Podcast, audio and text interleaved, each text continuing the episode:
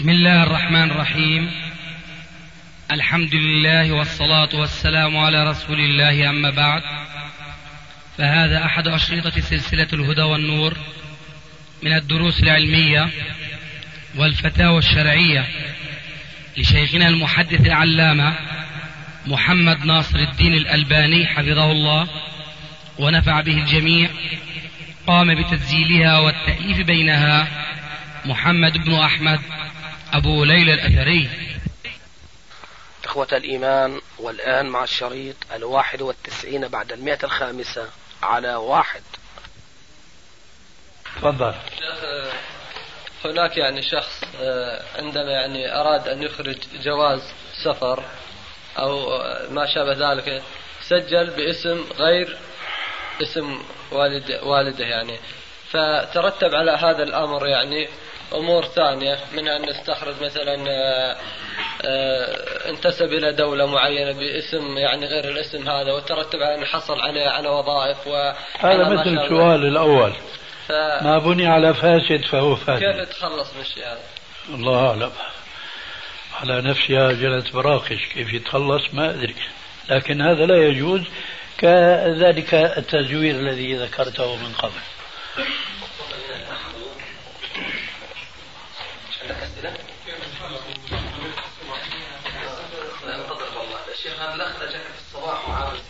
رسالة من ليبيا. نعم موجودة أيضا هذه الرسالة فيها عشر فيها عدة أسئلة. تفضل. الحمد لله والصلاة والسلام على رسول الله. فضيلة الشيخ آه، أتيت أنا ببعض أسئلة واستفسارات من طلبة هناك عندنا في عدن بشكل خاص. وهناك استفسارات عديدة وأنا إن شاء الله سأختصر بعضها. فأقول اختر الأهم فالأهم. إن شاء الله. فأقول فضيلة الشيخ وصلتنا كما تعلم آه، كتب السقاف. ومما في بعض هذه الكتب أن شيخ الإسلام رحمه الله ابن تيمية كان يعتقد بقدم العالم. فهل هذا ثابت عن ابن تيمية؟ وما حكم من اعتقد هذا المعتقد؟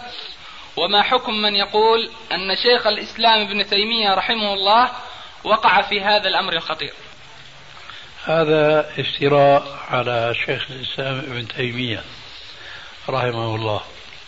آه، لأن المتبادر إلى الذهن آه، من كلمة القول بقدم العالم أن العالم أزلي كالخالق عند المسلمين. وحاشا لأقل المسلمين علما وإيمانا أن يقول بقدم شيء من المخلوقات إنما الله هو الأزلي الأول والظاهر والباطن وهو خالق كل شيء. فمن باب أولى أن لا يقول بذلك عالم مسلم ومن باب أولى وأولى وأولى إلى ما لا نهاية أن يقول بذلك شيخ الإسلام ابن تيمية رحمه الله. فالقول بقدم العالم هو قول الفلاسفة الدهريين الذين لا يؤمنون بالإله الرب الخالق.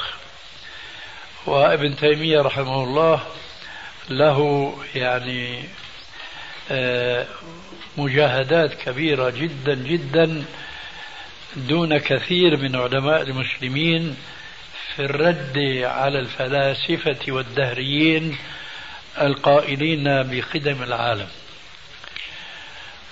فالذي ينسب إلى ابن تيمية القول بقدم العالم هو أحد رجلين إما كذاب أفاك وعدو للإسلام والمسلمين وهذا لا كلام لنا معه إطلاقا.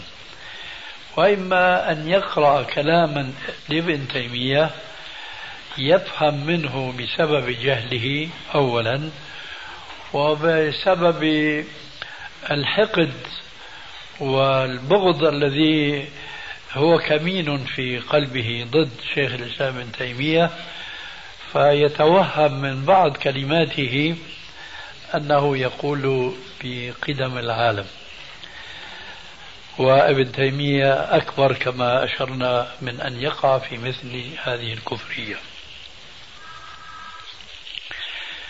آه، أظن في شيء جاء في سؤالك أيضا لم أجيب عنه. وما حكم من اعتقد هذا المعتقد؟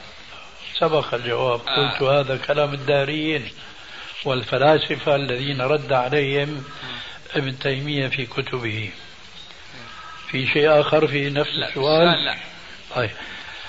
نعم غيره. سؤال آخر. فضيلة الشيخ هناك من يزعم أن التأويل والتفويض كان من منهج السلف الصالح في العقيدة.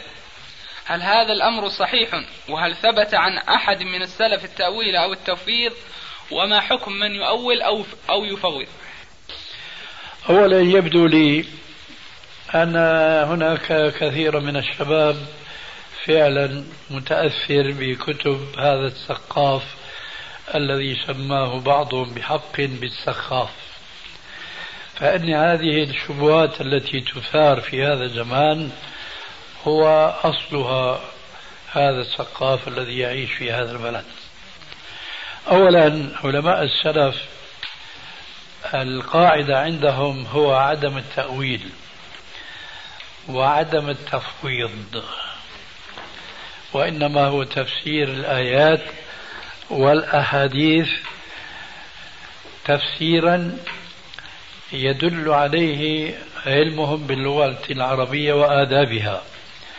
فهم يفسرون مثلا النزول بالنزول ولا يؤولونه ويفسرون الاستواء بالاستواء وهو الاستعلاء ولا يؤولونه وإنما يؤول الخلف الذين خالفوا السلف. ولكن وهذا طبعا يحتاج إلى بيان وتفصيل ولنا أشرطة كثيرة في هذا المجال. خضنا فيها يعني إلى حد كبير في ضرب الأمثلة. لكني أقول الآن قد يوجد لبعض السلف تفسيرا أو تفسير لبعض النصوص من القرآن أو السنة يتوهم هؤلاء المؤولة الذين خالفوا السلف بأنه تأويل وهو ليس من التأويل بسبيل. وأريد أن أذكر شيئا هنا حول كلمة التأويل. التأويل له معنيان. أحدهما لغوي والآخر عرفي. أما التأويل بمعنى اللغة اللغوي فهو بمعنى التفسير تماما والبيان وما يعلم تأويله إلا الله أي ما يعلم ما يؤول إليه وما يعود إليه. فهذا معنى لغوي. أما التأويل الآخر اللي هو عرفي أي اصطلاحي فهو بمعنى إخراج دلالة النص عن الظاهر إلى معنى غير متبادر. هذا التأويل هو الذي يقصد في كلام علماء الكلام. على هذا نقول إذا فسر بعض السلف آية في القرآن الكريم بخلاف ما يفهمه بعض المتأولة يقولون ها هاي السلف أوله والحقيقة أن هذا الذي يسمونه تأويلا أي إخراج للنص عن معناه الظاهر هو ليس تأويلا إنما هو التفسير. يعني مثلا ما ذكر في تفسير ابن كثير وغيره عن ابن عباس في تأويل آية وهو معكم أين ما كنتم؟ قال ابن عباس وهو معكم بعلمه بعلمه. هذا ليس تأويلا هذا تفسير لأنه نظر إلى سياق الآية من أولها إلى آخرها فانتبه إلى أن الله عز وجل يتحدث عن المعية العلمية وليس عن المعية الذاتية التي يظهر من هذه الجملة أن المقصود وهو أي بذاته. ليس هذا الذي يتبادر من دراسة الآية من أولها إلى آخرها وإنما المتبادر أنه ربنا عز وجل عنا المعية العلمية. فهذا ورد عن ابن عباس فهم يتشبثون بهذا ويسمونه تأويلا وهو ليس من التأويل في شيء. ومثله نصوص كثيرة وكثيرة جدا. مثلا إنني معكما أسمع وأرى. أيضا هذه ليست معية ذاتية وإنما هي معية صفتية.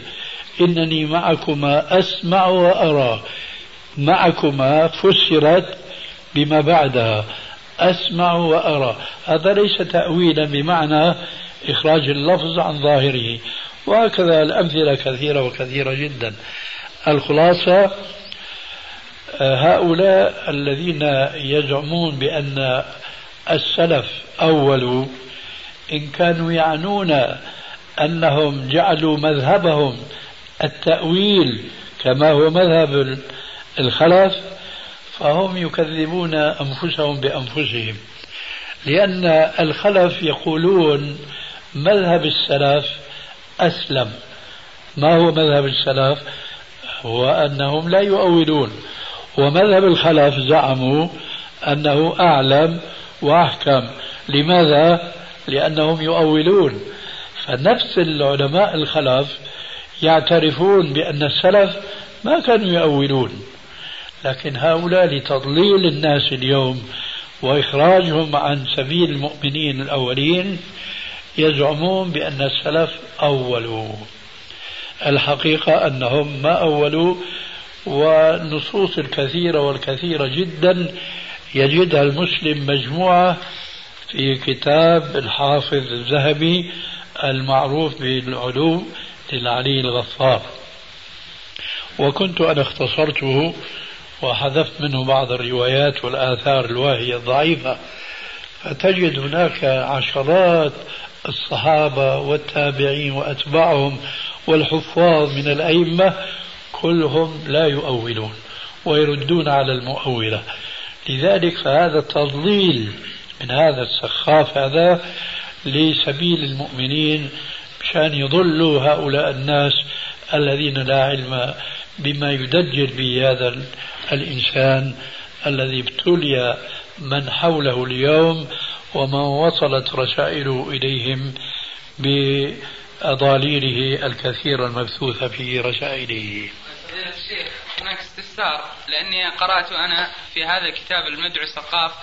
قرأت في المقدمة أنه يقول أن الإمام الذهبي رحمه الله قد ألف كتابه العلو وهو في العشرينات من عمره. فهل صحيح يا أخي بارك الله فيك أنا قلت لك في السيارة. لا تقم وزنا لهذا الرجل. هذا رجل دجال. هذا رجل دجال. إذا كان ألف هذا الكتاب في أول أمره وهل مات عنه وهو راض عنه أم منكر له؟ هذا كله يعني تركيب كلام مشان توهيم على العوام. لا تقيم لمثل هذا وزنا يا أخي. طيب. هذا رجل كذاب. هناك كتاب طبع حديثا ودفع شبهة التشبيه. هل يصح نسبته إلى ابن الجوزي؟ مع الأسف النسبة إلى ابن الجوزي صحيحة وابن الجوزي من بين الحنابلة جماهير الحنابلة في الصفات أشعري ثم جاء هذا السخاف هذا فطبع هذا الكتاب على كيفه مثل ما بيقول عنا بالشام وعلق عليه تعليقات.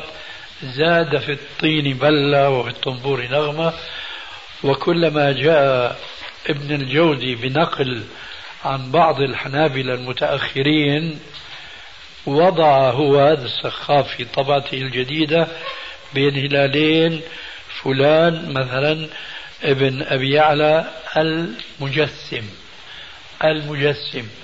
فالذي لا يعرف الحقيقة بيتوهم أن هذه الصفة من المؤلف هو ابن الجوزي بينما هو الذي طبع هذا الكتاب وهو السقاف هذا هو حشر عديدا من هذه الكلمات في صفة في ترجمة كثير من الحنابلة تضليلا أيضا للعوام. طيب.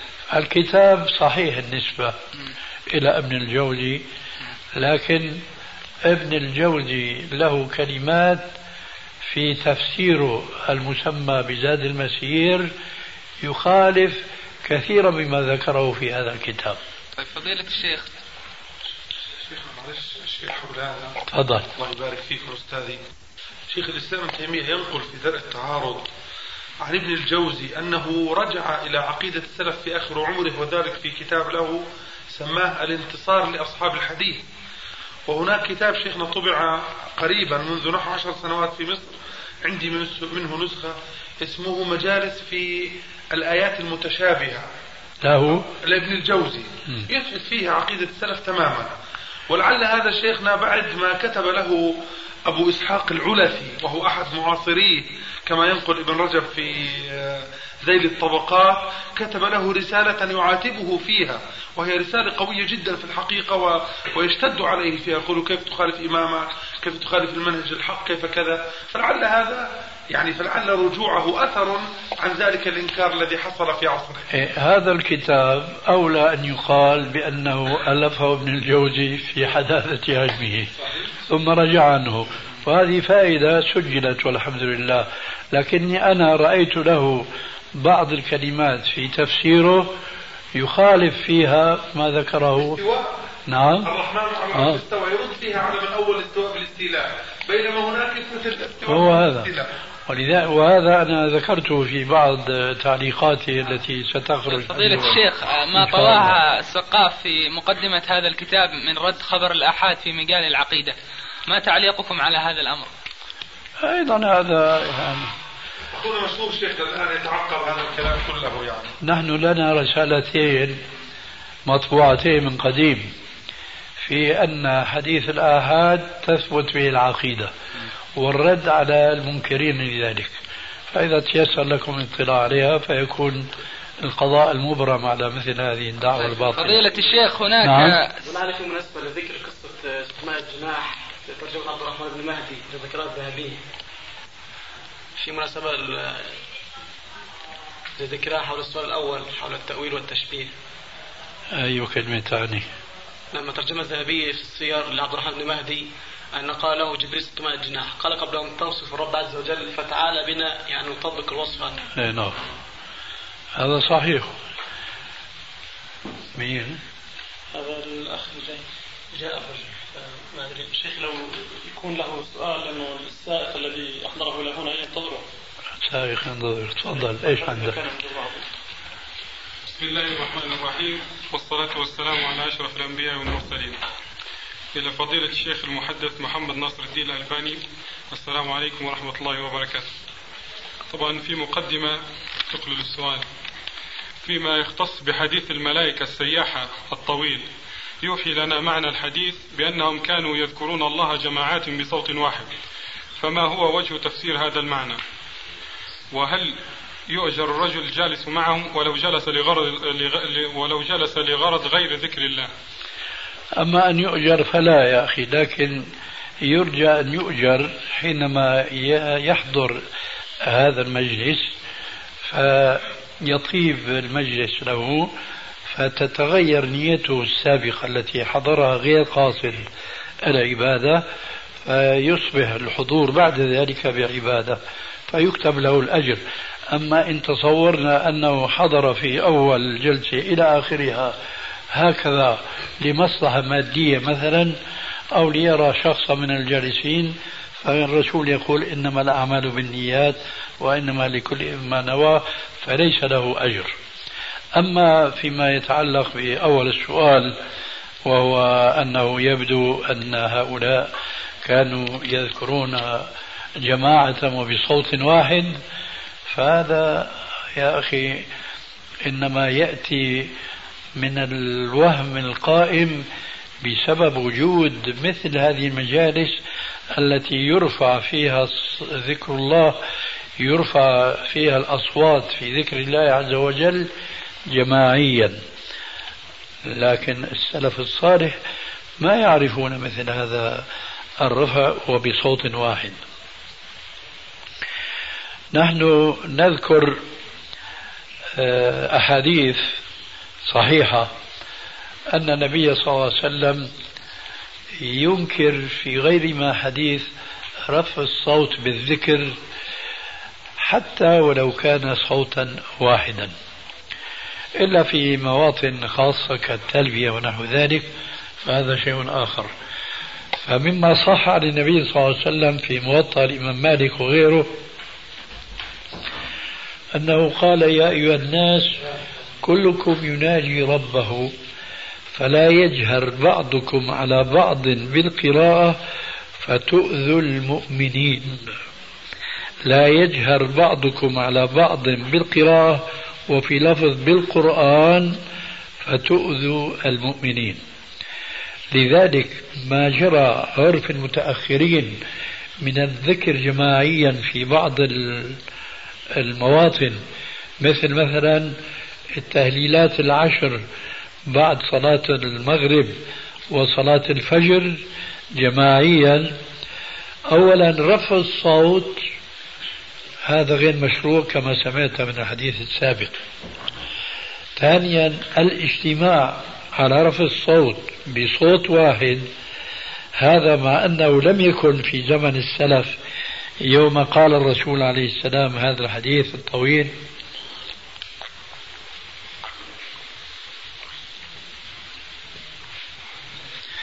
كانوا يجتمعون لذكر الله تبارك وتعالى إما بتلاوة قرآن أحدهم يقرأ والآخرون يسمعون على منهج قوله عليه الصلاة والسلام حينما قال مرة لأبي بن كعب وأخرى لعبد الله بن مسعود اقرأ علي القرآن.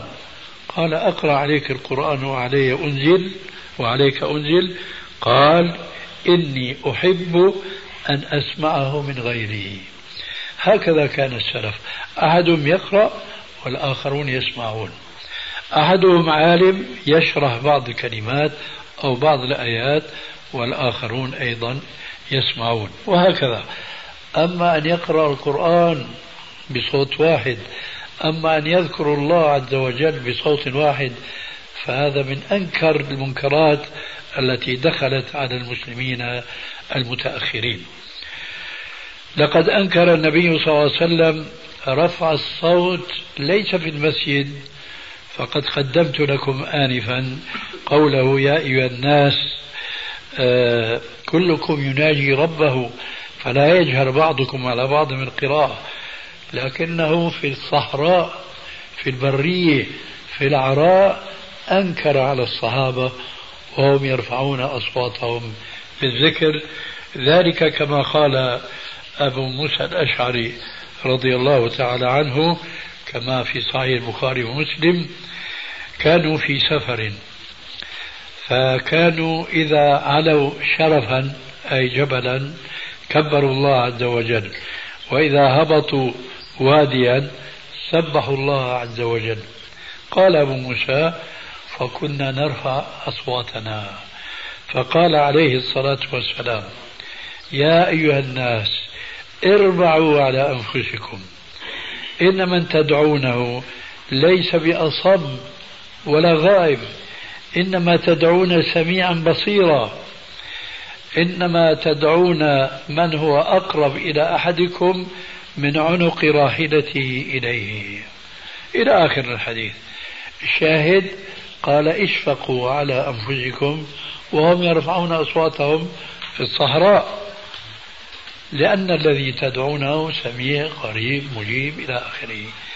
ولذلك فهذا الفهم لحديث الملائكة وحضورهم مجالس الذكر وأنهم كانوا في هذا المجلس يرفعون أصواتهم هذا فهم بدعي.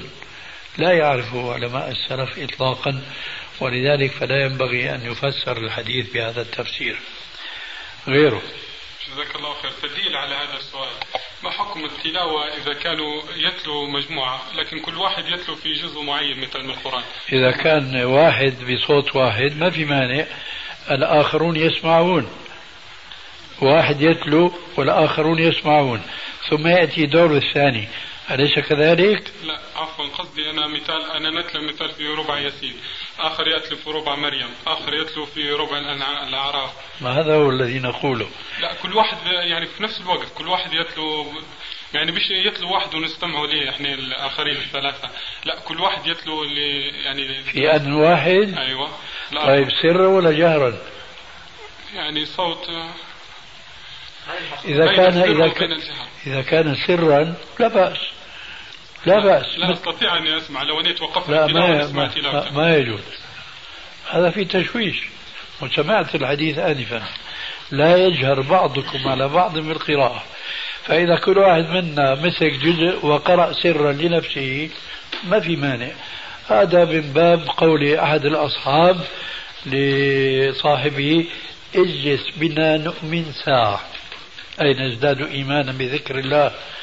فإذا كانت قراءة سرا أنت تقرأ وصاحبك بجنبك يقرأ ولا يشوش أحدكم على صاحبه هذا ما في مانع. أما برفع الصوت فلا يجوز. نعم.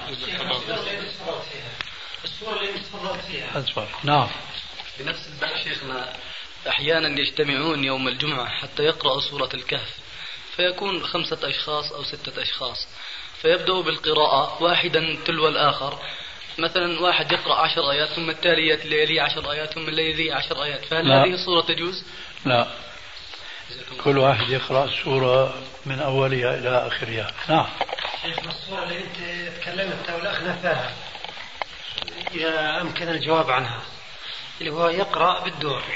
يعني شخص ثم الآخر ثم الآخر. والكل ينصت. ما في مانع. ما ترى نعم. بالنسبة للصورة الأولى شيخنا أخشى أنا في بعض البلاد مثلا أي صورة الصورة اللي ذكرها الأخ. سرا. ولو كانت سرا. أخشى أنه هذه في بعض البلاد في تكون أجزاء صغيرة من تقرأ عن ميت. فحتى يتم ختم القرآن كاملا يعني كل إنسان يأخذ شيء معين ثم يقرأ مثلا 30 شخص فيكون القرآن قد قرأ يعني عن روح روح الميت. أي نعم. طبعا هذا لا يجوز. ما أدري إذا كان هذا وارد في سؤالك. انتبهت لهذه الصورة؟ إيه صراحة كنت أريد أن أقول لك يعني بنسألك السؤال لكن آه الحمد لله سبقك يعني. عكاشة طيب هذا لا إن شاء يجوز الله. طيب. نرجو من حضرتكم إفادتنا ببعض الوسائل والتنبيهات التي تعيننا على طلب العلم. والله لا يضيع أجر المحسنين. لا بد من قراءة كتب العلماء الذين هم على المنهج السلفي على كتاب الله وحديث رسول الله صلى الله عليه وسلم. وأشهر هؤلاء كتب ابن تيمية وابن القيم الجوزية ومن جرى مجراهم وسلك سبيلهم ممن من الذين جاءوا بعدهم كمثل الصنعاني صاحب سبل السلام شرح بلوغ المرام والشوكاني في كتابه المنتقى شرح نيل الأوطار شرح منتقى الأخبار. وعلى ذلك فقس. أخيرا ننصح من أجل التفقه في الدين بقراءة كتابين اثنين. أحدهما أصح من الآخر من حيث قوة الحجة والدليل وهو الكتاب صديق حسن خان الروضة الندية شرح الدرر البهية. الروضة الندية شرح الدرر البهية. لأن هذا الدرر البهية متن للإمام الشوكاني. اختار الأحكام في هذا المتن من الكتاب والسنة دون تقليد لأي مذهب من المذاهب المتبعة. سواء كانت من أهل السنة أو من الزيدية أو الشيعة أو ما شابه ذلك. والشرح اللي هو الروضة الندية يأتي بدليل كل مسألة ذكرها الشوكاني في مختصره هذا. الكتاب الثاني هو كتاب فقه السنة للسيد سابق وهذا بالنسبة لعرف الشباب في العصر الحاضر آه، آه، سلس وميسر فهمه أكثر من الكتاب الأول. فقه السنة للسيد سابق هذا مشهور لكن هو دون الأول في العلم. ولذلك وجدت يوما ما فراغا فوضعت عليه جزءا سميته تمام المنة في التعليق على فقه السنة.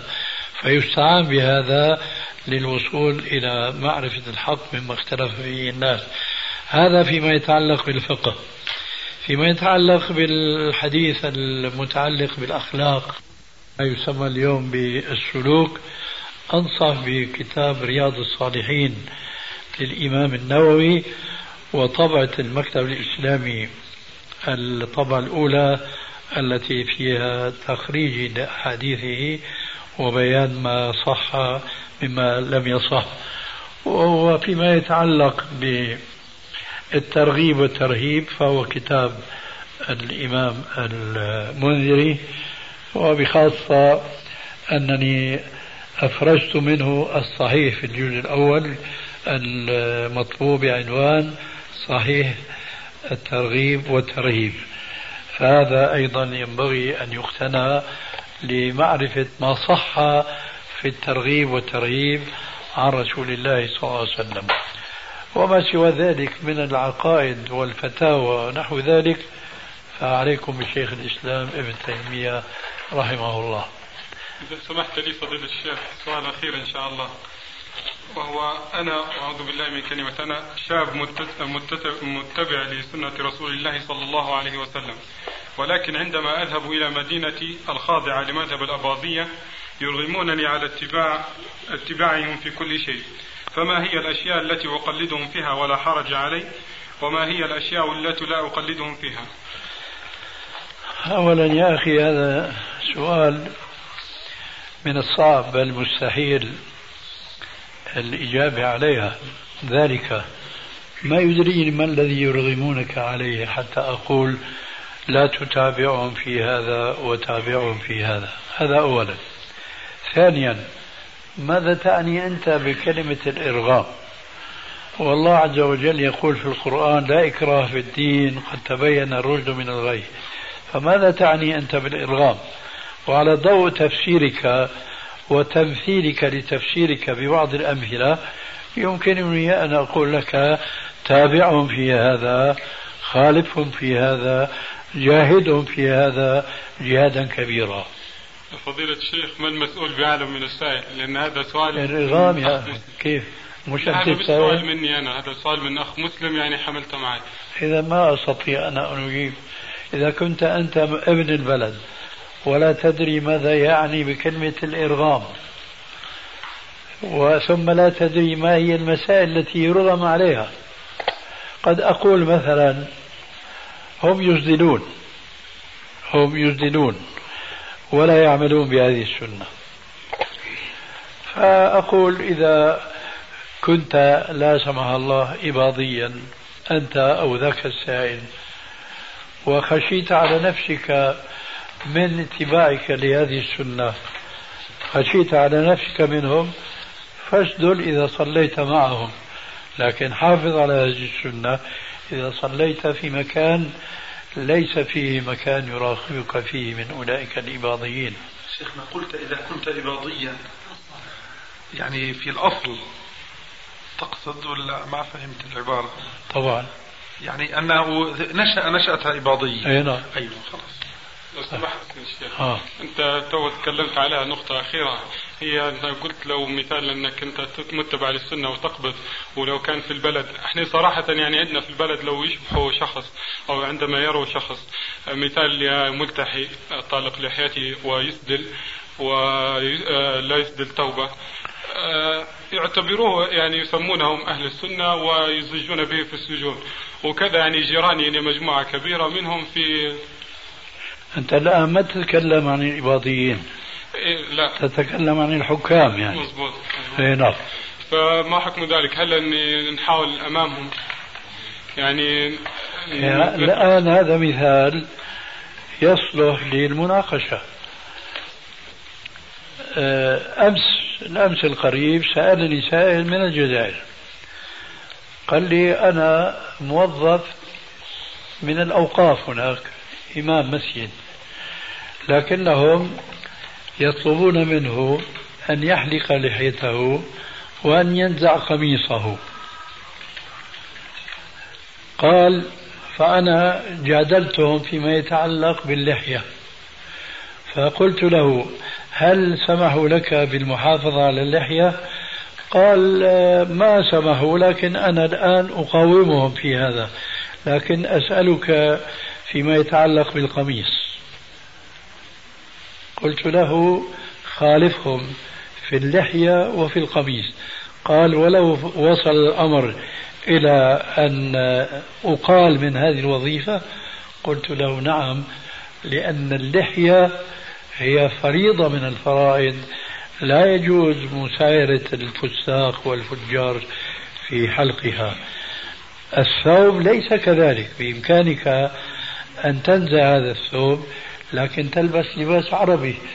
مش ضروري أنك آه، تحلق لحيتك وتتبنطل أو تتبنطل وتحافظ على لحيتك فتظهر كأنك رجل أوروبي. مش ضروري بقى تلبس البنطال أي البنطلون. تلبس أي لباس بلدي هناك في الجزائر. فإذا يمكن المسايرة هذه قاعدة عامة. يمكن مسايرة المبتدعة أو الحكام الظلام في أمور ليست واجبة على المسلمين فهي من الأمور السنن ممكن التساهل فيها لأنه لا يؤخذ عند الله إذا ما تركها.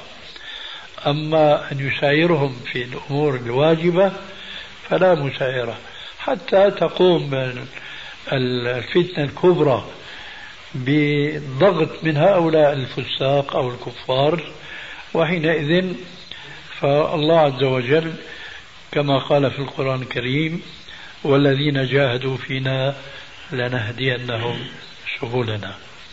إذا خذ القاعدة وانقلها لهذا السائل.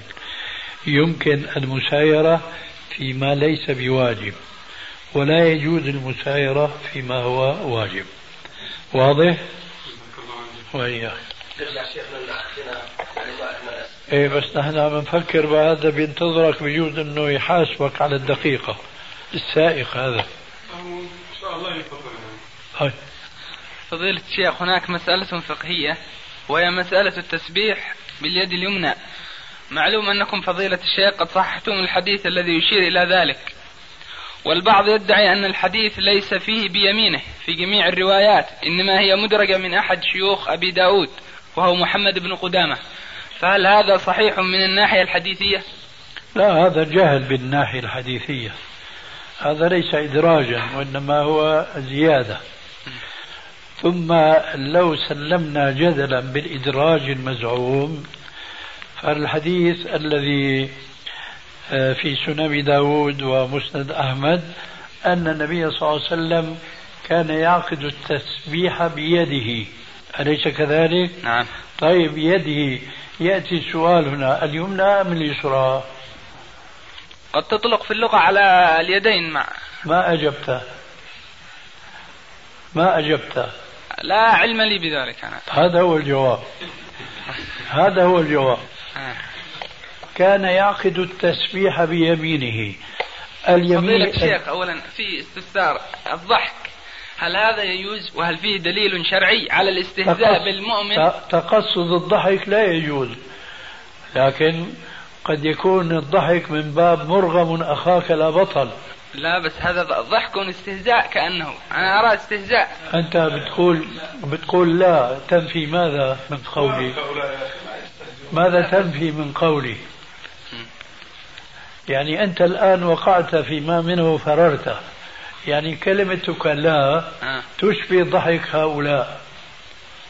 لكن هؤلاء ما قصدوا الاستهزاء وأنت ما قصدت الرد على الشيخ المزعوم. أنا ما قصدت الرد. وأنا أقول ماذا؟ أنا معك الآن آه. لكني لست معك لأنك أخطأت. طيب كيف نفسر هذا المعنى؟ أي ماذا م- نفسر اليد؟ أي معنى؟ لا البيت. بدنا ننهي القضية تلك. طيب الضحك. بدنا ننهي القضية تلك قبل كل شيء. ثم نعود إليك في قولك لا. تنفي ماذا من كلامي؟ لا تنفي شيئا. لكن هذا من لغو الكلام. كثير الناس لما أنا برد عليهم أو غيري يقول لا. إيش لا؟ أنا بقول مثلا الصواب في رواية أن تقول لا إله إلا الله وحده لا شريك له له الملك وله الحمد. بيقول هو لا. إيش لا؟ نفى لا إله إلا الله. هذا خطأ فاحش لا أقصد أنا ذلك لا. الله يهديك. أنا قلت لك سلفا لا تقصد. لكن هذا اللفظ لا ينبغي. ما أسرع ما نسيت. أنا قلت هؤلاء لا يقصدون بضحكهم الاستهزاء. الذي أنت قلت إنهم يقصدون الاستهزاء. كذلك قلت أنت لما قلت بعد كلامي أنا لا ما تقصد الرد علي لكن لا ينبغي أن تقول لا. على كل حال هذا الكلام لا تفهمه الآن. لكن لا فهمت الكلام أنا فهمته. إن شاء الله. لكن لا أريد أنا أن أضيع النقاش في هذه المسألة أريد اللب أحسنت. لكن كلمة الضحك هذا فسرته استهزاء هذا خطأ من ناحيتين. أولا إنما الأعمال بالنيات أنت تعرف هذه القاعدة الإسلامية. ثانيا آه، إياك وسوء الظن. أكذب الإيش؟ أكذب الحديث. ثانيا أردت أن أورد لك قصة آه، وقعت بين يدي الرسول عليه السلام وضحك الناس من سؤال سائل. فما أنكر عليهم سوى بأدبه المعروف. جاء رجل إلى النبي صلى الله عليه وسلم فقال له يا رسول الله ثياب أهل الجنة أتنسج نسجا أم ماذا؟ فضحك الحاضرون. فقال عليه السلام مما تضحكون؟ من جاهل يسأل عالما قال له يا فلان ثياب أهل الجنة تخرج من ثمار الجنة. يعني جاهزة مفصلة مكوية في أحسن صورة. الخلاصة والشاهد أن الإنسان قد يضحك ولا في باله أن يضحك إنما هو عفو الخاطر. فما ينبغي نحن نفسرها رأسا أنه هذا إيش؟ استهزاء. ليس معنى كلامي هذا أنه من أدب المجلس الضحك. لا ليس معنى هذا ليس الكلام. من آداب المجلس. نعم أيوة ليس من آداب لكن لا نريد أن نسيء الظن بإخواننا إذا ما ضحكوا من سؤال ما. هذا هو المقصود. أعود لأقول فيما يتعلق بحديث ابن عمرو بن العاص أنه رأى النبي صلى الله عليه وسلم يعقد التسبيح بيده وفي رواية أبي داود بيمينه. هذه الرواية أولا كما قلنا ابتداء ليست مدرجة والذي يسميها مدرجة إنما هو مبتدئ أقل ما يقال في هذا العلم. ثانيا حكمنا على هذه الزيادة بالإعدام. مفهوم هذا الكلام. كأنها لم تذكر في أي كتاب. علما بأن هذه الزيادة صححها الحافظ بن حجر العسقلاني. نفترض الآن أنها لا وجود لها. نريد أن نفسر الحديث. كان يعقد التسبيح بيده. التسبيح بلا شك من الأمور المقدسة المحترمة. وأنا أقول لكثير من الناس الذين لا أجد مجالا أن أخوض معهم في بحث علمي أراه يعقد بيديه خاصة إخواننا النجديين هذه عادة بسبحوا باليدين كلتيهما. فأقول له يا أخي السنة أن تعقد التسبيح بيمينك وإن يدا هنا الشاهد وإن يدا تمتخط بها بل تستنجي بها. فذكر الله عز وجل وتسبيحه وتحميده أقدس من أن تسبح بها. هنا يأتي الآن الدليل الشرعي أن الرسول عليه السلام كان يحب التيامن في كل شيء في تطهره وفي ترجله وفي تنعله وفي شأنه كله. قوله وفي شأنه كله هذا تعميم كما يقول العلماء بعد تخصيص. واضح هذا الكلام؟ تعميم بعد تخصيص. وهذا التعميم التعميم كان بلفظ شأنه. كلمة الشأن في اللغة ماذا يعني؟ كل شيء؟ لا وإنما يعني الشيء الذي له قدر وله قيمة واضح هذا الكلام؟ الآن ذكر الله وتسبيحه وتحميده داخل في هذا ولا مش داخل؟ أسألك أنا أسألك أنت أريد منك الإجابة يا شيخ الله يهديك أنا أسألك كلمة معترضة أشرح لك كلمة الشأن في اللغة العربية فأسألك الشأن ليس معنى كل شيء وإنما كل شيء له شأن له الشأن ليس معنى كل شيء وإنما كل شيء له شأن له قيمة تفهم هذا الكلام؟ هذا الكلام. طيب فسألتك بناء على هذا الذي تفهمه تسبيح الله وذكره وتكبيره يدخل في هذا أم لا يدخل؟ لا أدري أنا صراحة إيه. ماذا نفعل لك؟ إذا قلد على غمض عيونك وامشي. يدخل. طيب يا شيخ في في مسألة بسيطة. مسألة هناك شيخ نسمع ونقرأ عن الشيخ آه، الحرري الحبشي والغماري. آه ما رأيك الله. في هذين الشخصين من الناحية الحديثية؟ هل عندهم علم بالحديث أم لا؟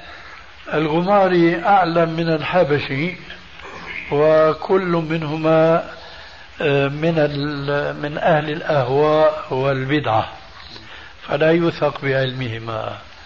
الغماري أعلم بالحديث من الحبشي. الحبشي ليس عنده تحقيق ولا عنده بحث في المتون وفي الأسانيد إلى آخره وإنما هو يحفظ كثيرا من المتون. أما الغماري ففي عنده بحوث كثيرة وكثيرة جدا يصيب في بعضها ويخطئ في بعضها لكنه لم يستفد شيئا من علم الحديث. شأنه في ذلك شأن الكوثري. فإنه كان أعلم من هؤلاء كلهم في الحديث لكن تعصبه للمذهب الحنفي أضله عن الاستفادة من الحديث النبوي. طيب في آخر سؤال شيخ أخبرنا بعض الأخوة في آه، مصر أن أبا إسحاق الحويني يقول أن معه إجازة منكم فهل هذا صحيح؟ وكذلك يقول بعض الأخوة أن أبا إسحاق آه، يدعي بأنه خليفتكم في هذا العلم أقصد علم الحديث مع أننا نسمع نحن في اليمن أن الرجل الذي بعدكم في علم الحديث هو الشيخ مقبل بن هادي الوادعي. فما تعليقكم على هذا؟ الدعوة كثيرة وكثيرة جدا وأنا لا أعتقد أن أحد الرجلين صح عنه ما تنسبه إليهما. أما أنا فلا أقول شيئا من هذا في أحد ما دمت حيا لأنني أرجو أن يكون الخلفاء من بعدي أكثر من واحد أو اثنين. والله. بقي سؤال بسيط يتعلق بهذا الأمر. هذا ينقض كلامك الأخير. لا لأنه الآن خطر في بالي هذا السؤال لأني نسي آه، نسيته ثم ذكرته. هذا السؤال هو أننا نعلم أن شيخ الإسلام وتلميذه ابن القيم رحمهم الله تعالى يعني أقل من أن يسقطوا في مسألة يعني انتشرت لا سيما مسألة آه، فناء النار. فهل صحيح هذه الدعوة صحت في كتبهم أم تراجع عنها أم كيف؟ اريد نعم. أريد جواب في هذا الأمر.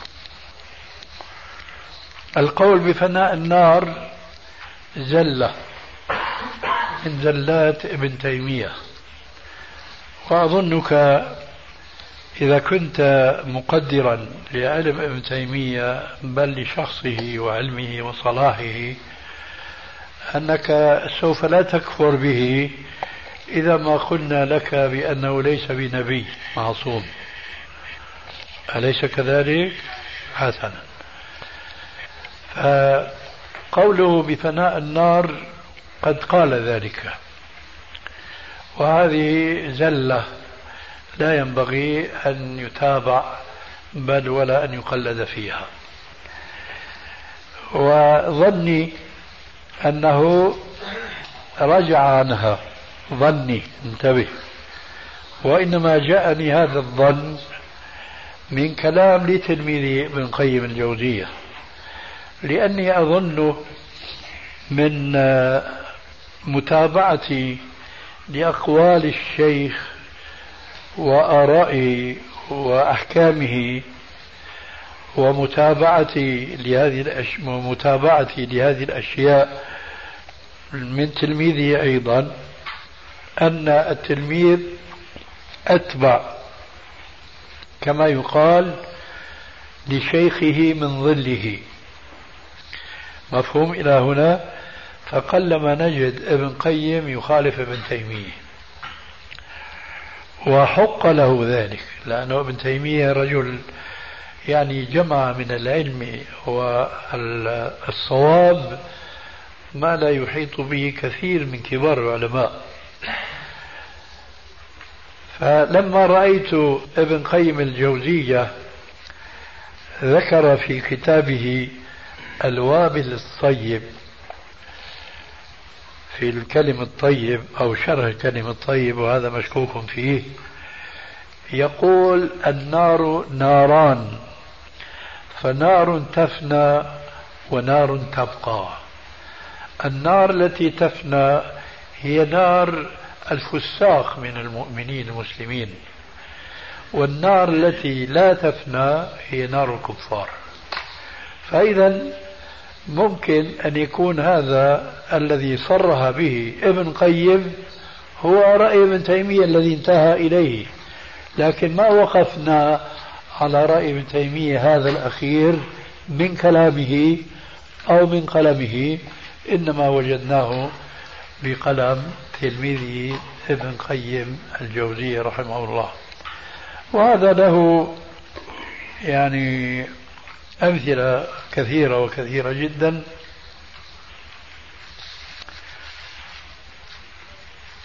الحديث السابق الذي تحدثنا عنه بمناسبة آه، مخالفة الحديث الشاذ من أحب يتمثل له الناس قياما فليتبوأ مقعده من النار. ابن تيمية في فتاواه مجموعة الفتاوى له كلام جيد بمناسبة هذا الحديث من جهة وله كلام غير جيد من جهة أخرى. الكلام الجيد هو بيقول أنه لم يكن من عادة السلف الصالح ولا من عادة خلفاء الراشدين أن يقوم بعضهم للقادم. قيام إكرام وتعظيم. لم يكن هذا من عادتهم ولذلك فهو يقول ينبغي على الخلف أن يقتدي بالسلف في كل شيء ومن ذلك هذه المسألة. ثم يستثني وهذا من فقهه وحكمته. يقول لكن إذا كان المسلم يعيش في جو اعتاد الناس هذا القيام. وفهمتم أي قيام أعني بهذا الكلام. رجل دخل فشيخ مثلا لو دخل علينا الآن شيخ كبير لا شك أن بعضكم سيقوم له إكراما وتعظيما وهذا موجود في أكثر البلاد الإسلامية. فيقول ابن تيمية السنة عدم القيام. لكن إذا كان المسلم في جو اعتادوا مثل هذا القيام وإذا لم يقم يخشى أو يخشى أن يقع في نفس الحاضرين أو الداخل شيء من البغض والحقد ضد هذا الجالس الذي لم يقم. هنا يرى ابن تيمية القيام. وهذا داخل في باب دفع المفسدة الكبرى بالصغرى قاعدة هذه فقهية عظيمة. الخطأ وين؟ يقول وليس هذا القيام هو المقصود بقوله عليه السلام من أحب أن يتمثل له الناس قياما فليتبوأ مقعده من النار قال لأن المقصود بهذا الحديث هو القيام للقاعد القيام للقاعد يعني الملك جالس والوزراء والحاشية كلهم قيام. على طريقة ما جاء في حديث جابر بن عبد الله الأنصاري. لما أصيب عليه السلام في عضده ولم يستطع صلاة الظهر قائما فصلى قاعدا فصلى الناس خلفه قياما. فأشار إليهم أن أجلسوا فجلسوا. بعد الصلاة قال لهم كدتم آنفا أن تفعلوا فعل فارس بعظمائها. يقومون على رؤوس ملوكهم. يقومون على رؤوس ملوكهم. الملك قاعد وهم قائمون. قال ابن تيمية حديث من أحب أو من سره أن يقوم أن يتماثل الناس له قياما إلى آخر الحديث قال المقصود به أن يقوموا وهو جالس. هذا خطأ. والدليل على الخطأ إذا تذكرتم معي القصة التي ذكرتها آنفا دخل معاوية على رجلين عبد الله بن عامر وعبد الله بن الزبير قام الأول ولم يقم الآخر. فنهى القائم معاوية ما كان قائد جالسا قاعدا على العكس تماما. هو دخل وهن كانوا قاعدين. فقام أحدهما فأنكر عليه بهذا الحديث. فوجدت ابن القيم الجوزي يقول هذا كلام نفسه. يرد يعني ما قاله ابن تيمية نفسه. فأنا أظن والحالة هذه أن ابن تيمية كتب هذه كتابه في الفتاوى لأن هذه الفتاوى ليست تأليفه جمعها الجامع وقد أحسن بذلك من مختلف المخطوطات والرسائل وإلى آخره. فممكن أن يكون هذا الجواب من ابن تيمية أو هذا البيان من ابن تيمية كان في أول نشأته العلمية يعني. لكن تلميذه ابن القيم صاحبه إلى آخر رمق من حياته بين أن هذا المعنى خطأ وليس هو ابن تيمية وحده اللي وقع في هذا. سبقه إلى ذلك مثلا غيره من الشراح للحديث والذين يتكلمون على غريب الحديث منهم ابن الأثير مثلا في في النهاية فسروا وهو قاعد. هذا خلاف الحديث.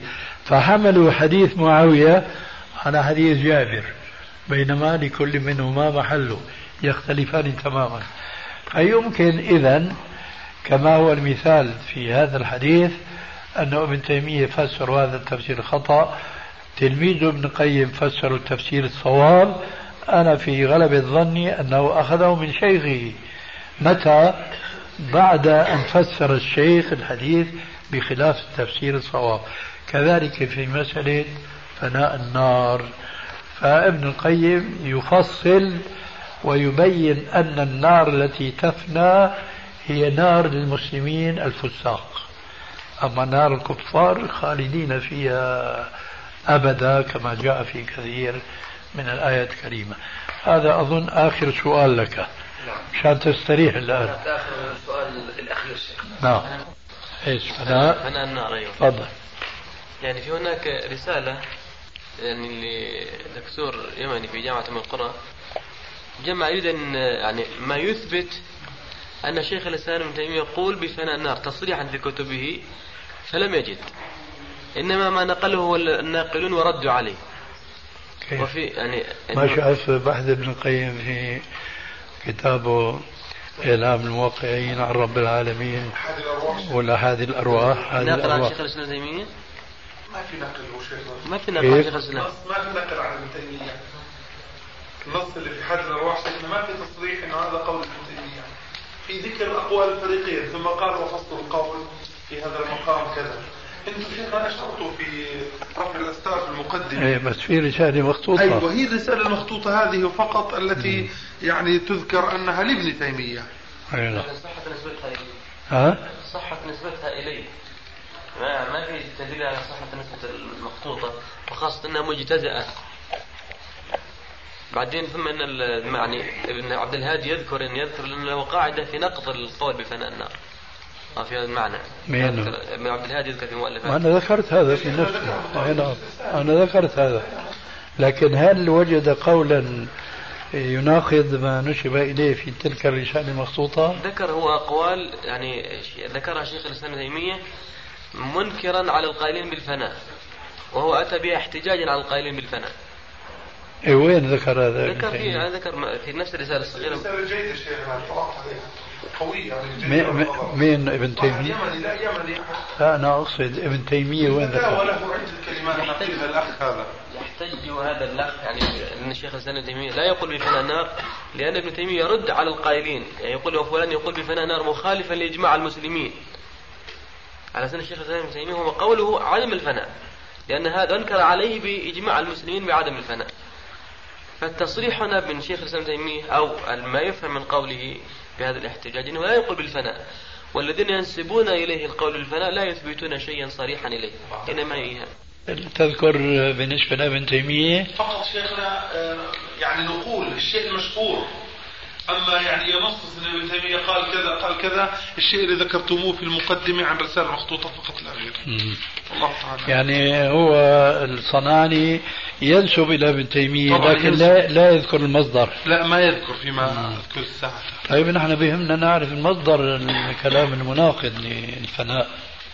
هو ذكر الأخ هذا يعني أو المؤلف تبعها لا ما حفظت يعني آه، مصدر مطبوع ولا ذكر في عن- في الفتاوى موج- موجود.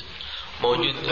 أجمع المسلمون على دوام سبعه أشياء فذكر منها الجنة والنار. واحتجنا على العلاف يعني يقول بالفناء ويقول هذا يخالف اجماع المسلمين. طيب نحن في المقدمة ما تعرضنا لهيك شيء؟ ردت شيخنا وجبت أنت نقول طيبة. لذلك كان قول شيخنا في المقدمة إنه يعني كان هناك عدم وضوح لما استقر عليه مذهب ابن تيمية أو شيء من هذا. وإنه لعل له قول قولين في أنت شيء. قرأت الرسالة شيء تبعنا لا ما قرأتها لكن قرأت الرسالة المختصرة هذه طيب اقرأها عنكم. نشوف هو ذكر انه قرأ رسالتكم هو رجل بحث في مؤلفات الشيخ الإسلام ابن كلها ولم يجد كما يقول وكذلك انما وجد القول هو ما ذكره ابن القيم في التدليل وكما يقول انتهى إلى الحيرة هو يذكر هذا الرجل يعني كما هو الكلام الواضح من كلام ما ابن القيم. ذكره ابن القيم وين؟ ويذكر على أنه وسائل ما ذكره ابن القيم أين؟ في الحادي وفي الصواعق وفي غيره. بينت يا شيخ انت في مقدمة رفع الاستار. بينت أن هذا القول هو مقولة ابن القيم وقد تلقاه عن شيخ ابن تيمية في المقدمة. إيه، أنا بعيد عاد على كل حال فاللي في المقدمة يكفي للتبصير في هذه القضية. طيب. إيش في؟ شيخنا نقطة هنا لو بدي تفضل. بعد إذنكم أستاذي. حول مسألة التسبيح باليمين. آه. في سنن أبي داود شيخنا عن عائشة قالت كانت يد رسول الله صلى الله عليه وسلم اليمنى لطهوره وطعامه وكانت يده اليسرى لخلائه وما كان من أذى. نعم هذا شيخنا ألا يرد على من أجاب؟ بلا شك ما قلنا هذا في يعني فيه- تطهره وفي شأنه كله. لا لفظ هذا أوضح, أوضح. نعم. نعم. سمعت هذا النص؟ طيب. نعم. بسم الله الرحمن الرحيم. والصلاة والسلام على رسول الله. شيخ لشيخ الشيخ عبد الرحيم الطيحان حفظه الله أنه ذكر عالما نقد عالما ووصفه بالضلالة. حيث قال لا أيها الشيخ الضال. وهذا العالم مع العلم أنه في الجزائر آه، أثر أثر المكاتب بكتبه. يعني هل يعني يمكن قراءة كتبه والاستعانة بها والتبصر بها أم ردها؟ مش واضح لي يا أخي سؤالك فلغتك شوي عليه غريبة. الشيخ من هو؟ عبد الرحيم الطحان. عبد الحميد سرحان؟ الرحيم الطحان. عبد الرحيم الطحان. نعم. هذا اللي كان في السعودية وال- شيخنا. والآن في الإمارات. الإمارات. طيب شوف السؤال. نعم. يقول شيخنا عبد الرحيم الطحان في بعض أشرطته وصف شيخا بالضلال فقال إنه الشيخ الضال. وهذا الشيخ كما يقول الأخ قد أثر المكتبة الإسلامية في الجزائر. آه. فه يعني ما هو وجه هل نقرأ كتبه أم لا أو بهذا المعنى؟ هكذا سؤالك. طيب لماذا وصفه بالضلال؟ لعدة أسباب وأخطاء قام بها هذا الشيخ. كيف؟ أخطاء عديدة ارتكبها. معليش أعطينا خطأ من أخطائه التي يدعيها الطحان فيه. مثلا أج- أجاز مصافحة النساء سماع الغنى إلى غير ذلك. طيب الإثراء الذي آه، نسبته إليه. ما ما هو أشهر مثلا آه، رسائله أو بحوثه التي بها أثرى المكتبة؟ ما هي؟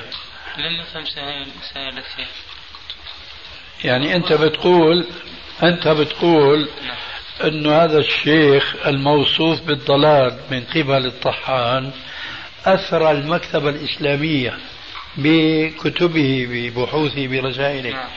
هل تعلم شيئا من هذه الكتب؟ موجودة بكثرة هناك وفي متناول الجميع صح؟ من هو من هو يقصد الغزالي يقصد محمد الغزالي والله لماذا تحير الشيخ؟ قل له تقصد. الغزالي؟ لأنه لم يذكر اسمه حتى هو هو يقصد الغزالي. طب لم يذكر اسمه فكيف عرفت أنت أنه أثرى المكتبة الإسلامية؟ لأنه يعني كل في الجزائر. يعني مطابقة لما لما يعني يقصد الغزالي فيما فهمتم أنتم؟ خلاص. والغزالي حق له هذا الوصف. إن كان يقصد الغزالي العصر الحاضر. فهو هو كذلك. يعني شيخ يلا لو الأخ هذا تتمم له هذه النقطة في يلا بسم الله. يعني شيخ لا يمكن قراءة كتب كتبه. كتب الغزالي؟ نعم. يمكن ولا يمكن. بالنسبة إليك لا يمكن. بالنسبة لغيرك يمكن. لأن الذي ينبغي أن يقرأ كتب الغزالي ينبغي أن يكون عالما بالكتاب والسنة حتى ما ينحرف مع الغزالي المنحرف. فهمت الجواب إن شاء الله؟ نعم. مم. لأنه الغزالي أعطي آه، فصاحة وبلاغة وبيان وقلم سيال إلى آخره يأخذ بقلوب الشباب وبألبابهم. ولذلك فهم يضلون بضلاله. وإذا ما كانوا على فقه صحيح بالإسلام فما يستطيعون أن ينحرفوا عن انحرافه. واضح الجواب؟ نعم إيش فيه؟ شيخنا الاخ هذا ما ندري عنه السلام عليكم. وعليكم السلام. سجل عندك نعم. في سؤال أنا طالب ليبي هنا في الشريعة.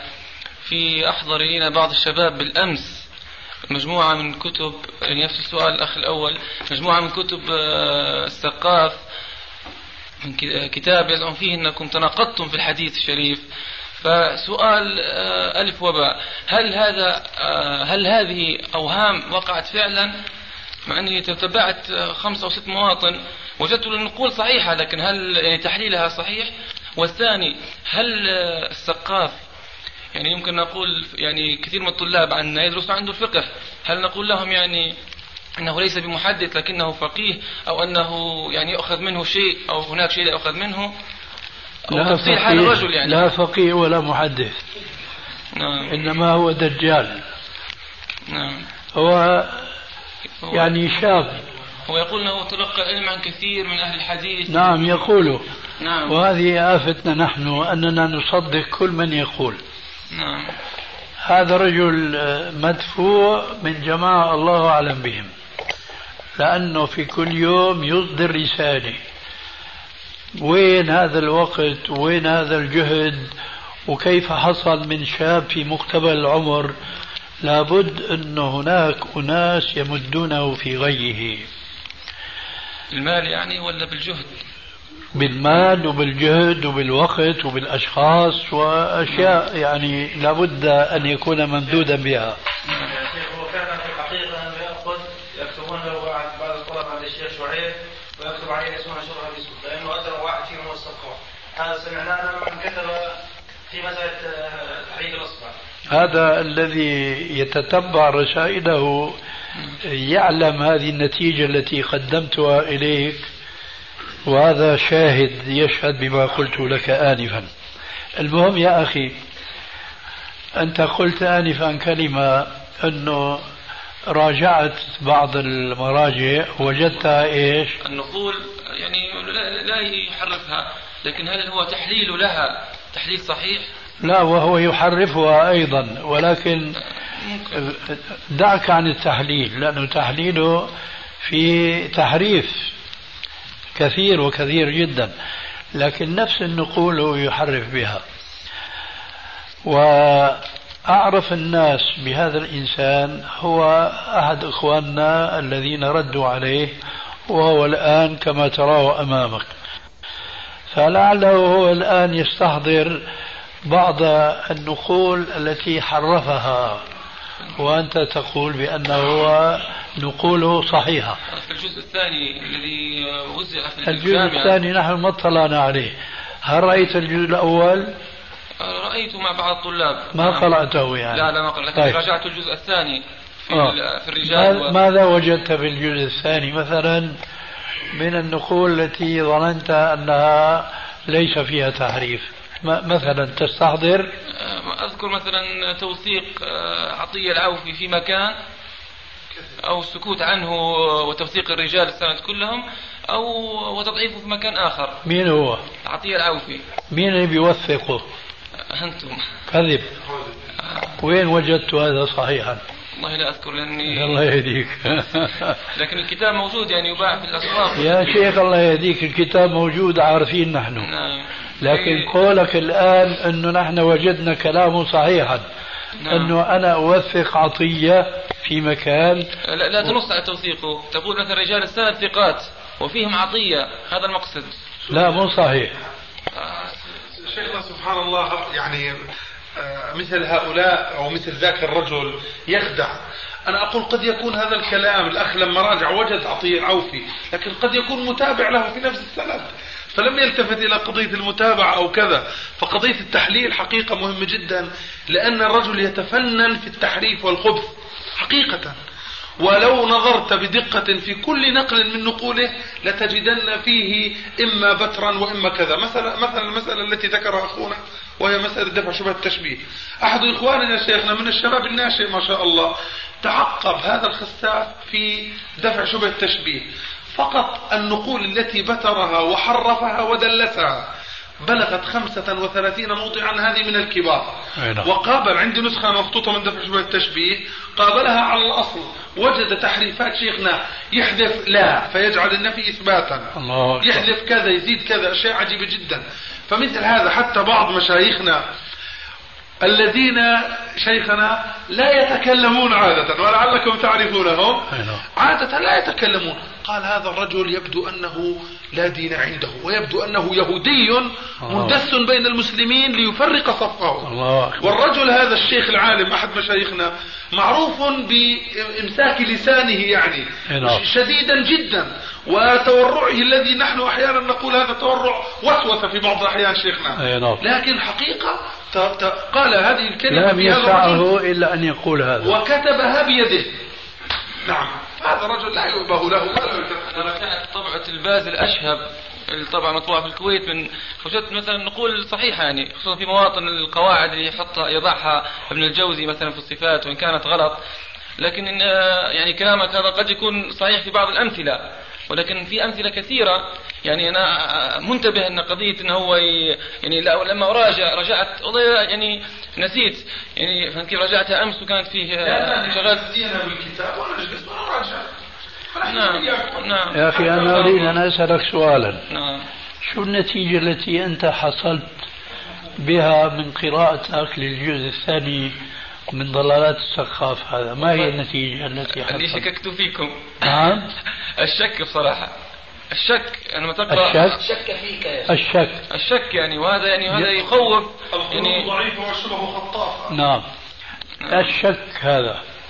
أولا هل يجوز للمسلم أن يقرأ أي كتاب؟ أنا أعطيت الجواب سابقا للشباب. نعم لذا أتيت في أنا. شخص هذا. نعم لذا أتيت. أنا لا أسمع مثلا من أذن واحدة.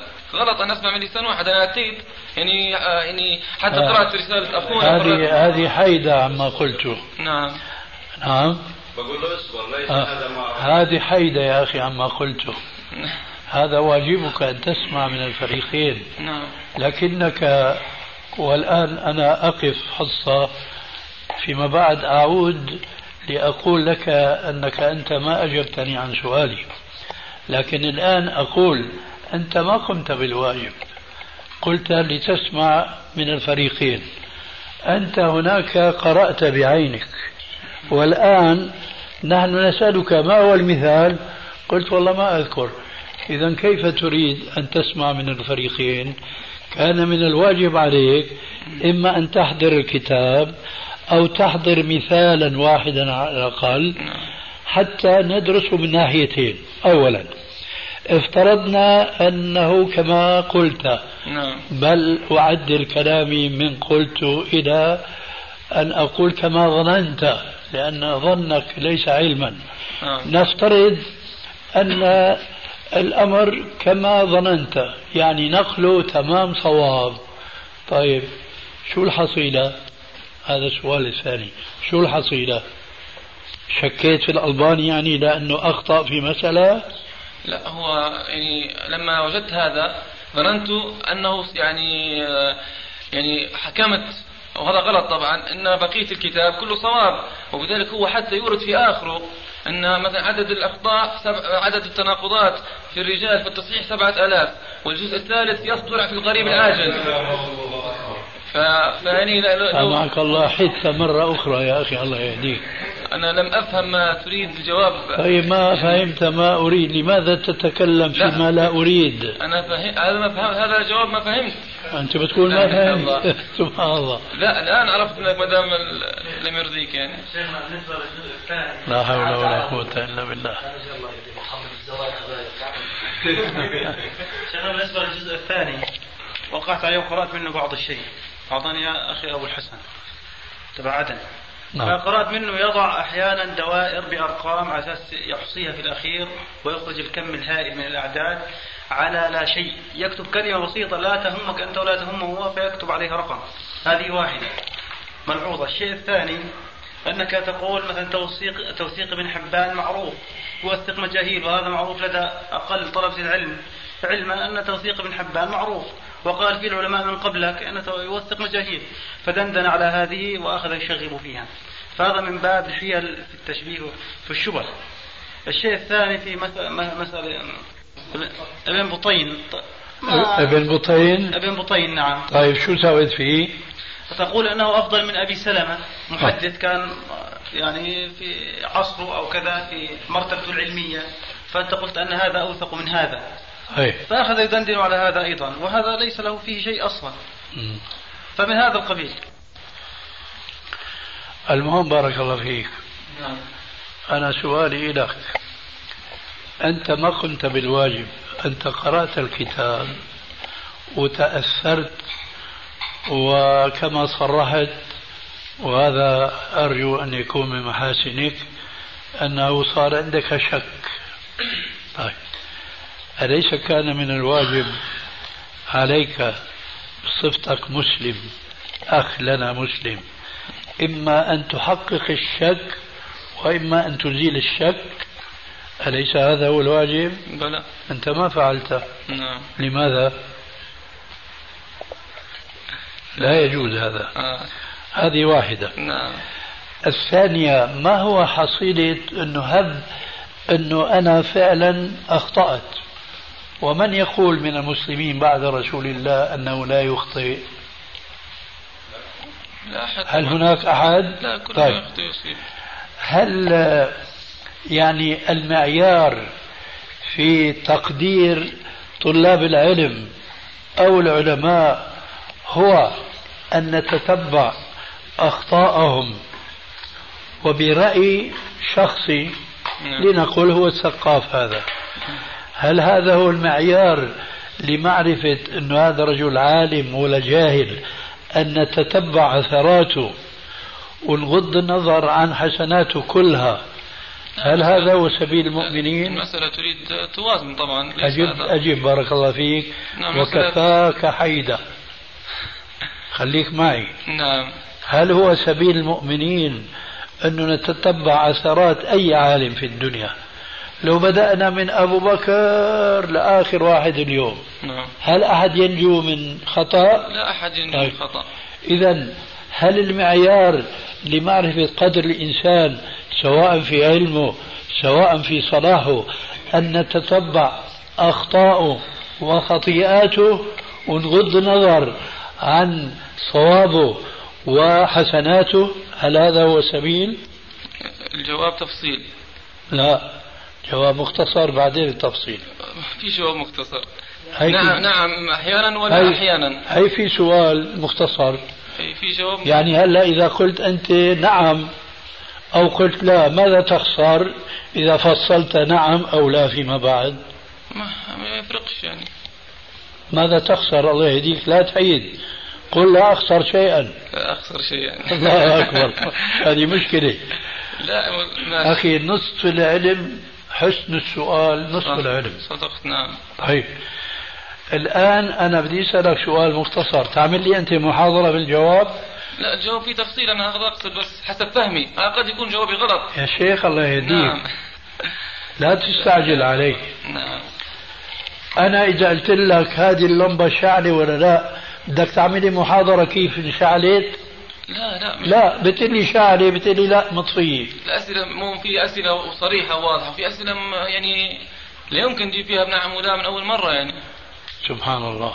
لا. أفي الله شك؟ من يشك في الله؟ اللي أفي الله شك. من يشك في الله؟ قول لا قول إيه؟ قول ما شئت. هاي تعجب يا شيخ. من يشك في الله سبحانه وتعالى؟ سبحان الله. هذا سؤال هذا سؤال بدهي يا هذا شيخ الله يهديك. من يشك في الله؟ هذا جواب سؤال. هل أحد يشك في الله؟ أنا الآن بسألك. هل أحد يشك في الله؟ أجب نشوف. لا تحيد. هل أحد أسكت- يشك في. الله؟ أنا يبدو أني أزعلتك يا شيخ فأنا أسكت بصراحة. والله يعني. أزعجتني. أنا- لا أنا- لا بشيء أعطي بالك. لا لا أزعجتني بحيداتك. محيدتك. لا أنا, أنا فهمت يا شيخ. حيداتك. نعم. الآن أسألك سؤال. أنا فهمت. اسمع يا شيخ الله يهديك. لا إله إلا الله. سألتك في الله شك ما أجبت. الآن أسألك أطور السؤال حسب كيفك. هل أحد يشك في الله؟ هل تجيب عن أحد السؤالين؟ ما لكم لا تنطقون لأنه سؤال محير ما هيك؟ جاوبتك يا شيخ. كيف؟ جاوبتك من يشك بالله؟ وأنا متعجب بعدها أنا عم أسألك. هل أحد يشك في هذا الله جواب بدهي. جواب بدهي. هذا نعم هذا جواب بدهي يا جماعة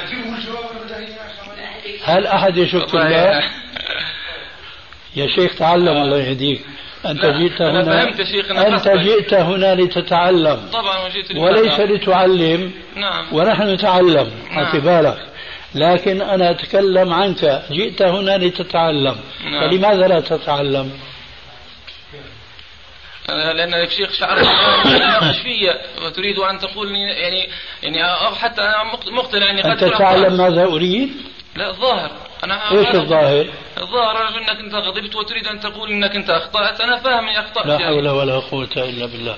وإذا كنت. وإذا أردت أن أقول لك أخطأت بحق أم بباطل أنا أمشي معك. أنت تظن في أنه أنا أريد أن أقول لك أخطأت.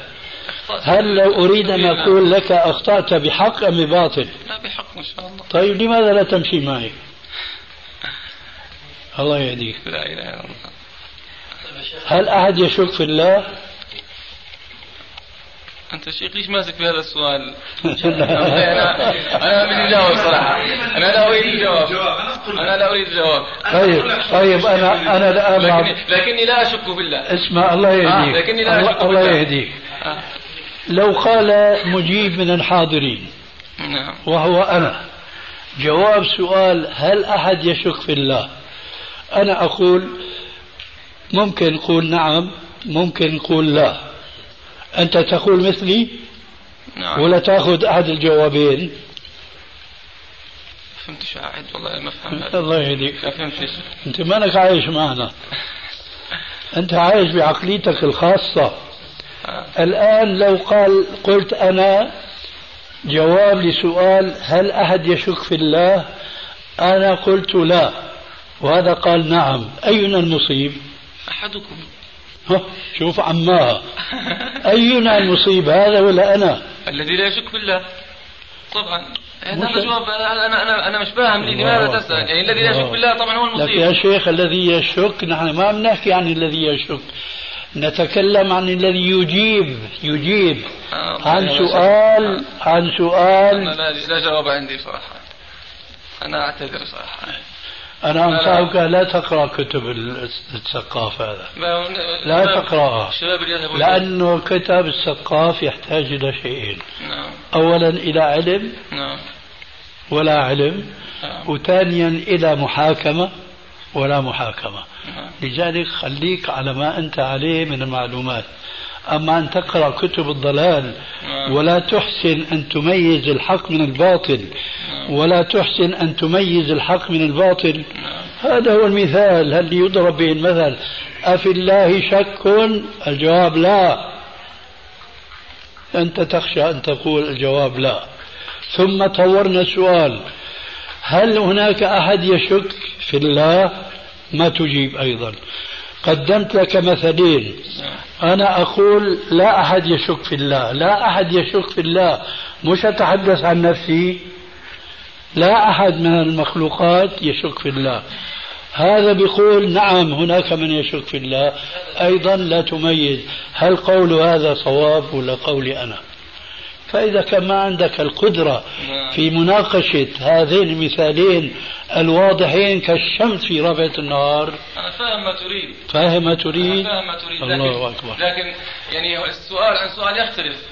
يعني هناك أسئلة يجاب عنها بنعم ولا هناك أسئلة لا يجاب عنها بنعم ولا الله يعني يهديك. لا أستطيع أن أقيس. نعم. الله ولا يهدي الله يهديك. على كل مسألة. وإذا كنت فاهم ما أريد وأنت عما أنا أريد تحيد هل أنت تنصفني؟ أنت تزعم أنك تفهم ما أريد. نعم. ثم تحيد عن الجواب عما أريد. هل أنت تنصفني؟ أنا أعتقد أني أنصفك. أنا طبعا أعتقد الباطل اعوذ بالله. نسأل الله يهدينا. يلا يا جماعة انصرفوا راشدين. أهلا. إن شئت أن تجلس هنا خير على خير جلسة عربية إن شاء الله. اجلس. لا لا هنا. أكرمك الله. اقترب اقترب. اقترب ولا تبتعد. أليس أليس هذا أو لا؟ تقارب الأبدان يحقق تقارب القلوب في الأبدان. الله أكبر كيف حالك؟ الشيخ يبلغ السلام الشيخ مقبل عليك وعليه السلام ورحمة الله وبركاته. بلغ الشيخ كيف. حاله؟ في نعمة نحمد الله ونشكره. كنا سمعنا أنه كان منحرف الصحة. فلعله أبل وشفي. بخير وتزوج. ما شاء الله. أخرى؟ جديدة من شهرين. إيه، ثبت يعني أخرى. أخرى أخرى. يعني على الأولى. على الأولى. كويس. والحمد لله مرتاح. بارك الله له فيهما. الحمد لله. وأبلغه سلامي. إن شاء الله. وتهنئتي إن شاء الله. على خير. حفظك الله. اللهم بارك له. آمين. بينه وبين أهله. آمين. جزائريين يبلغوك السلام. عليك وعليه السلام. ويسألوا عن كيف أخبار الجزائر. أخبار الجزائر نسأل الله أن يحسن أخبار الجزائر وأخبار العالم الإسلامي كله. آمين. لأنها ليست أخبار طيبة مبشرة نريد يا شيخ أن تزورنا إلى اليمن. الشيخ يريده ومشايخ العلم والحمد لله. بارك إلا. الدعوة السائدة. نسأل الله أن يلهمنا الخير. الجو مهيأ. لأي مسلم ينزل. أنا عارف ما في مشاكل. بارك الله فيكم جميعا. لكن جئتمونا ونحن على حافة القبر. فيك الخير نسأل الله العلي القدير أن يحفظك. الله يسلمك. آه. طيب. يا شيخ ما تقول الذي إحنا في اليمن نقول يا ساتر يا ساتر. لا هذا ليس له أصل. جزاك الله خير. لكن أنت أحفظ أسئلتك بعد أن ننتهي من إخواننا هؤلاء. لنا اخوانا لنا أخ في السيارة. أريد آه، السلام عليكم ورحمة الله وبركاته. والليلة الحمد لله الذي شفناه أهلا وسهلا. نسال الله بل نسألك الله دينك وأمانتك. آمين. وخواتم أعمالك. جزاك الله. وسلم على الإخوان جميعا أهلا وعليكم السلام ورحمة الله وبركاته. أعوذ بالله السميع العليم من الشيطان الرجيم من همزه ونفثه ونفخه. وقال الذي آمن يا قوم اتبعون أهدكم سبيل الرشاد. يا قوم إنما هذه الحياة الدنيا متاع. وإن الآخرة هي دار القرار. من عمل سيئة فلا يجزى إلا مثلها. ومن عمل صالحا من ذكر أو أنثى وهو مؤمن فأولئك يدخلون الجنة يرزقون. يرزقون فيها بغير حساب. ويا قوم ما لي أدعوكم إلى النجاة وتدعونني إلى النار. تدعونني لأكفر بالله وأشرك به ما ليس لي به علم. وأنا أدعوكم إلى العزيز الغفار. لا جرم أن ما تدعونني إليه ليس له دعوة ليس له دعوة في الدنيا ولا في الآخرة. وأن مردنا إلى الله وأن المسرفين هم أصحاب النار. فستذكرون ما أقول لكم وأفوض أمري إلى الله. إن الله بصير بالعباد